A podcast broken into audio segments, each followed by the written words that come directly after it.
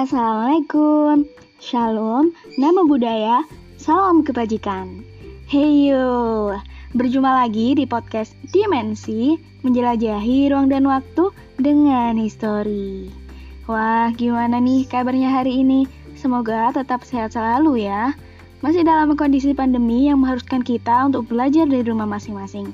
Tapi tenang aja, di podcast kali ini aku akan menemani kalian untuk belajar sejarah dengan cara yang lebih santai, seru, dan tentunya mengasyikkan. Oke, udah nggak sabar kan? Dengerin sampai akhir ya. Oke, nggak perlu lama-lama lagi. Aku akan menemani kalian buat belajar sejarah, khususnya buat teman-teman kelas 12. Di sini aku akan membahas salah satu materi pelajaran kalian. Ayo tebak, aku mau bahas materi apa? Jadi, aku mau bahas materi tentang pembebasan Irian Barat. Nah, buat teman-teman pasti sudah tahu di mana letak Irian Barat. Ya, letak Irian Barat adalah di ujung paling timur dari Indonesia, yakni mungkin teman-teman lebih familiar dengan nama Papua. Nah, tahu nggak sih bahwasanya Irian itu adalah sebuah singkatan akronim yang dibuat oleh Presiden Soekarno. Apa ayo? Irian ikut Republik Indonesia anti Netherlands. Wah, siapa yang baru tahu? Nah, apa sih maksud dari nama Irian itu ikut Republik Indonesia anti Netherlands? Ada yang tahu nggak? Jadi, waktu penyerahan kedaulatan dari Belanda ke Indonesia, khususnya pada waktu konferensi meja bundar pada tahun 1950, ada satu wilayah yang Belanda nggak mau ngelepasin dan ngasih ke Indonesia. Ya, wilayah itu adalah Irian Barat. Nah, berdasarkan hasil konferensi meja bunda tersebut, penyerahan Irian Barat diselesaikan dengan cara diplomasi antar dua negara. Nah, dimulai tuh diplomasinya. Tapi Belanda masih nggak mau ngelepasin Irian Barat.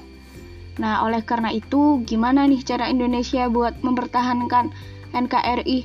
Wah, jadi Indonesia mulai melakukan cara lain untuk membebaskan Irian Barat, mulai dari diplomasi yang ternyata gagal tadi, kemudian mulai melakukan konfrontasi politik dan ekonomi. Indonesia memutuskan hubungan dengan Belanda. Wah, dan kemudian Indonesia mulai melakukan konfrontasi militer yang ditandai dengan adanya Trikora atau tiga komando rakyat. Teman-teman ada yang tahu nggak isi Trikora itu apa?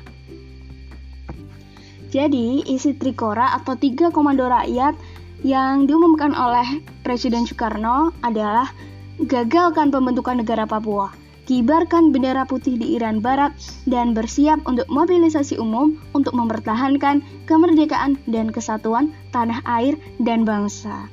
Wah, merinding banget gak sih? Waktu itu coba bayangin teman-teman ada di lapangan waktu Bung Karno lagi pidato Trikora itu. Wah, pasti mending banget enggak sih? Nah, dari Trikora tersebut muncullah Komando Mandala sebagai bentuk operasi militer yang resmi dari Indonesia. Sebelum operasi Mandala, sebelum Komando Mandala itu, Indonesia juga melakukan infiltrasi atau penyusupan dengan kapal. Wah, ada yang tahu kapal apa nih? Dan Sayangnya kapal tersebut harus ditembak oleh Belanda karena perlawanan yang tidak seimbang, yakni MTB Macan Tutul, yang di dalamnya ada Komodorio Sudarso dan Kapten Wiratno yang harus gugur bersama dengan pertempuran Laut Aru. Wah, usaha Indonesia dalam mencapai Irian Barat sungguh panjang dan melelahkan ya teman-teman. Nah, karena operasi Mandala, operasi militer tersebut membuat dunia yakin bahwa Indonesia nggak main-main buat mempertahankan wilayahnya.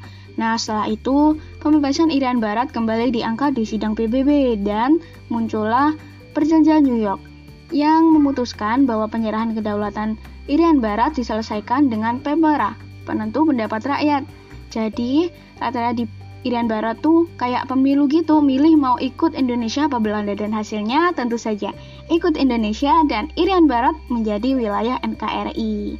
Wah, sangat panjang sekali ya perjalanan untuk menyatukan wilayah Indonesia.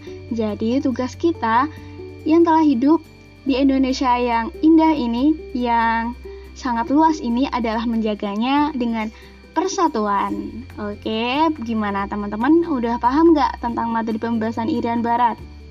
Aku harap udah paham ya. Kalau belum paham bisa cek video atau infografis yang sudah ada. Oke, sampai jumpa lagi. See you.